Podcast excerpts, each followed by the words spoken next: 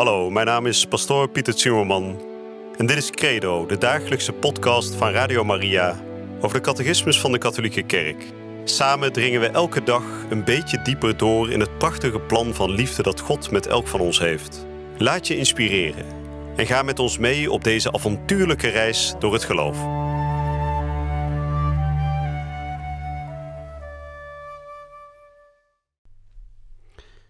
Vrienden, heel mooi dat u weer met ons verbonden bent voor het programma Credo, de dagelijkse portie geloof, geloofsonderricht hier bij Radio Maria, waarin we deze dagen spreken over de Heilige Geest. En u weet, deze catechese is erop gericht om ons steeds beter thuis te brengen in de leer van onze kerk, maar is er ook op gericht om een levende relatie met God te verdiepen. Het is al vaker gezegd, catechese is nooit alleen maar pure, strikt theoretische kennis. Nee, kennis van God moet altijd leiden tot een diepere overgave en een grotere liefde voor God. zowel het hart als het verstand volledig onderwerpen aan de Heer, om het door Hem helemaal te laten omvormen, zodat we die mensen worden die Hij in ons ziet. En daarom gaan we vandaag nog wat meer spreken over de Heilige Geest. We gaan spreken over de diepe band die er is tussen de Messias en de Geest. Al in het Oude Testament wordt er volop gesproken over de gezalfde van de Heer die zal komen en die gezalfd zal zijn met de geest van de Heer, de geest van Yahweh. We zullen horen dat deze geest een geest is van wijsheid en inzicht, van beleid en sterkte. Het zijn de bekende woorden uit het boek Jesaja die ook altijd worden gelezen met kerstmis. Op het moment dat we lezen dat de lang verwachte Messias inderdaad in de helsgeschiedenis binnentreedt, in tijd en ruimte wordt geboren. Ik zal vandaag gaan lezen de nummers 709 tot en met 716. En voordat ik daarmee zal beginnen, zullen we zoals gebruikelijk weer beginnen met gebed. In de naam van de Vader en de Zoon en de Heilige Geest. Amen. Jezus Christus, Zoon van God. Uw naam is, als het goed is, dagelijks op onze lippen. En we spreken uw naam zo vaak uit dat we er soms achterloos aan voorbij gaan wat deze naam betekent. Op het moment dat we uw naam noemen, openen we ons hart voor God zelf, de Allerhoogste. Jezus betekent God red. En Christus betekent gezalfde, Messias. Degene die doordrenkt is van de Heilige Geest van God. Die gekomen is om de Geest over de wereld uit te storten. Degene die samen met de Vader uiteindelijk het drie-ene verbond van Zijn liefde vormt. Heer God, we willen bidden dat U, Jezus Christus, als levende Zoon van de Vader, ons die Heilige Geest schenkt, zodat we in Hem en door Hem en voor Hem gaan leven. Amen. En ik lees voor vanaf nummer 709.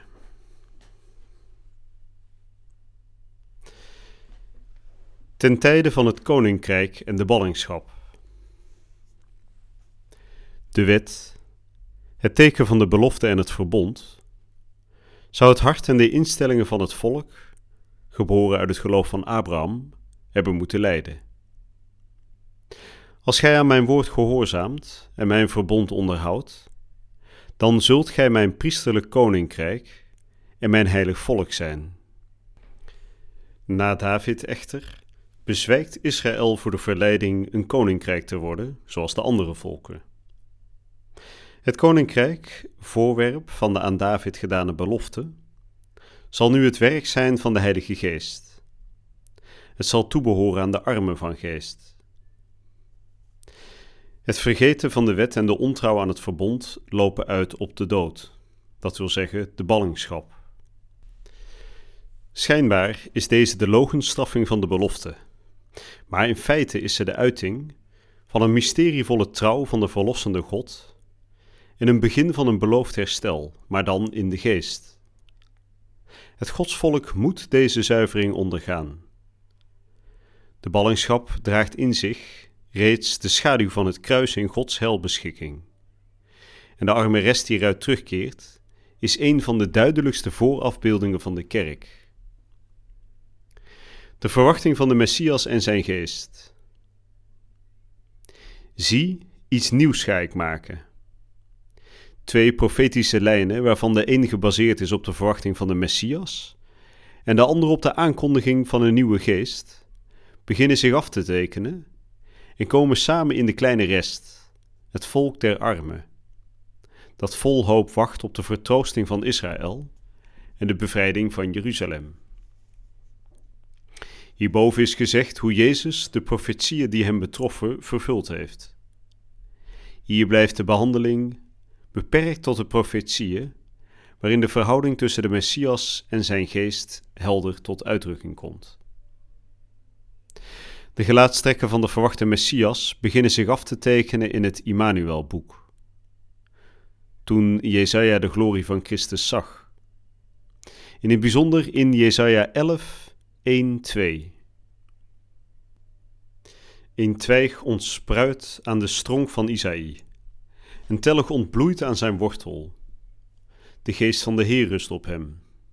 Een geest van wijsheid en inzicht. Een geest van beleid en sterkte. Een geest van kennis en ontzag voor de Heer. De trekken van de Messias worden vooral in de gezangen over de dienaar geopenbaard.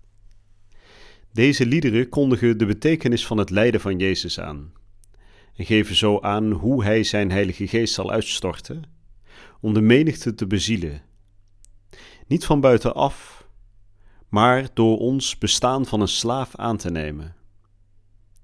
Door onze dood op zich te nemen, kan Hij ons laten delen in zijn eigen geest van leven.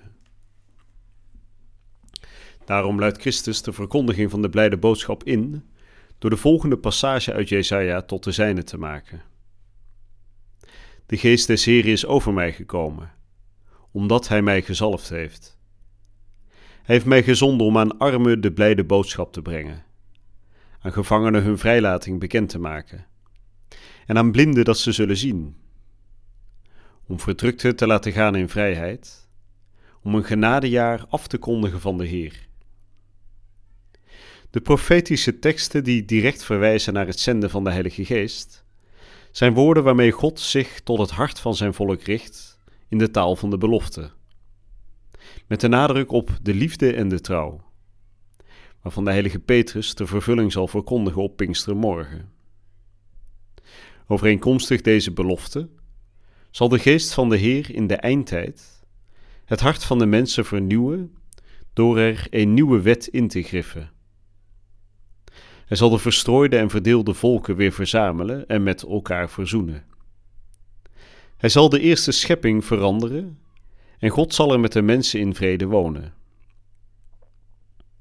Om de komst van Christus voor te bereiden, gedurende de tijd van de belofte, is het volk van de armen, de nederigen en de zachtmoedigen, die zich geheel en al overgeven aan de mysterievolle helsbeschikkingen van hun God zij die op de gerechtigheid wachten en niet op die van de mensen.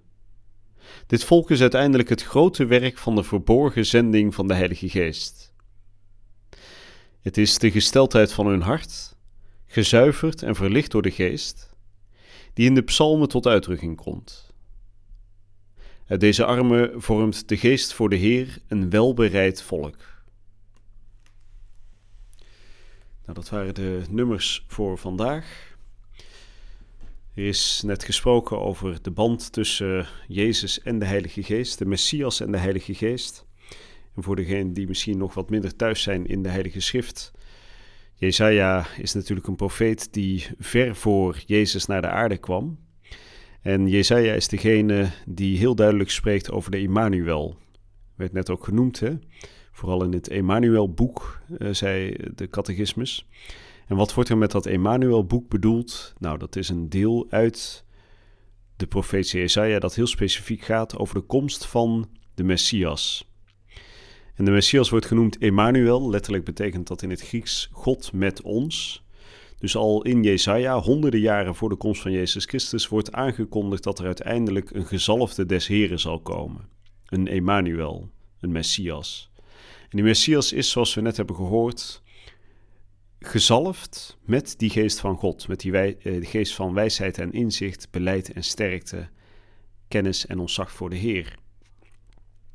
En dat dat er niet later door de kerk is bijgezocht, als het ware. Hè, dat, hoor je wel eens als kritiek, dat sommige teksten uit het Oude Testament, uh, als het ware, aan de haren er zijn bijgesleept en later door de kerk als zodanig zijn geïnterpreteerd dat ze over Jezus zouden gaan.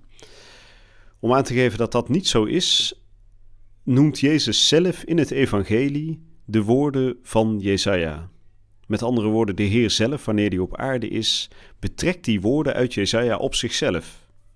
Hij noemt namelijk die belangrijke tekst uit Jesaja, de geest des Heren is over mij gekomen, omdat hij mij gezalfd heeft. Dus de Heer zelf, Jezus, citeert de profeet Jesaja om aan te geven, deze woorden gaan over mij. Dus de Immanuel, de God met ons, dat ben ik zelf. Nou, we zullen daar nog uitgebreid over komen te spreken. Jezus Christus, wat zegt hij over zichzelf? In hoeverre bevestigt Jezus zelf die woorden uit het Oude Testament, die misschien door het Joodse volk alleen nog maar, ja, nog niet helemaal duidelijk werden geïnterpreteerd, die alleen nog maar een vermoeden waren. En ze wisten dat er ooit een Messias zou komen, maar ze wisten niet precies hoe die man nou zou zijn en wanneer die precies zou komen. Nou, Christus zegt dus op het moment dat hij op aarde komt: Ik ben het. En dan eindigt de catechismus vandaag met de Heilige Geest in de eindtijd. De eindtijd, dat is onze tijd, de tijd dat Jezus al naar de aarde gekomen is en al de belofte heeft gedaan dat hij ooit zal wederkeren. In die eindtijd is het de Heilige Geest die het volk voor de Heer bereidt. dus alles wat er in onze kerk gebeurt, voor zover het van God afkomt, dus het hele bijeenbrengen van het verzamelde volk van God, gebeurt alleen maar door de Heilige Geest. De Heilige Geest is de manier waarop God, de Vader en de Zoon werkzaam zijn op dit moment in deze wereld. Nou, we gaan daar in de volgende uitzending nog wat op door. En we gaan als het ware nog wat verder inzoomen op dit mysterie van de verbondenheid van de Messias met de Heilige Geest. Door te gaan kijken naar het leven van de heilige Johannes de Doper en van de moeder van Jezus, Maria. En voor nu wens ik u een hele gezegende dag toe. Je luisterde naar Credo, de dagelijkse podcast van Radio Maria over de catechismus van de Katholieke Kerk. Credo is iedere werkdag te beluisteren op Radio Maria. Maar je kunt de afleveringen ook in je eigen tempo terugluisteren op onze website, in de app of op Spotify en de andere platforms. Via de website radiomaria.nl vind je dagelijks de link om de bijbehorende teksten uit de catechismus mee of terug te lezen. We zijn erg dankbaar voor alle giften die wij mogen ontvangen. Daardoor kunnen we ons goede werk blijven doen. Draag je ook bij aan deze missie?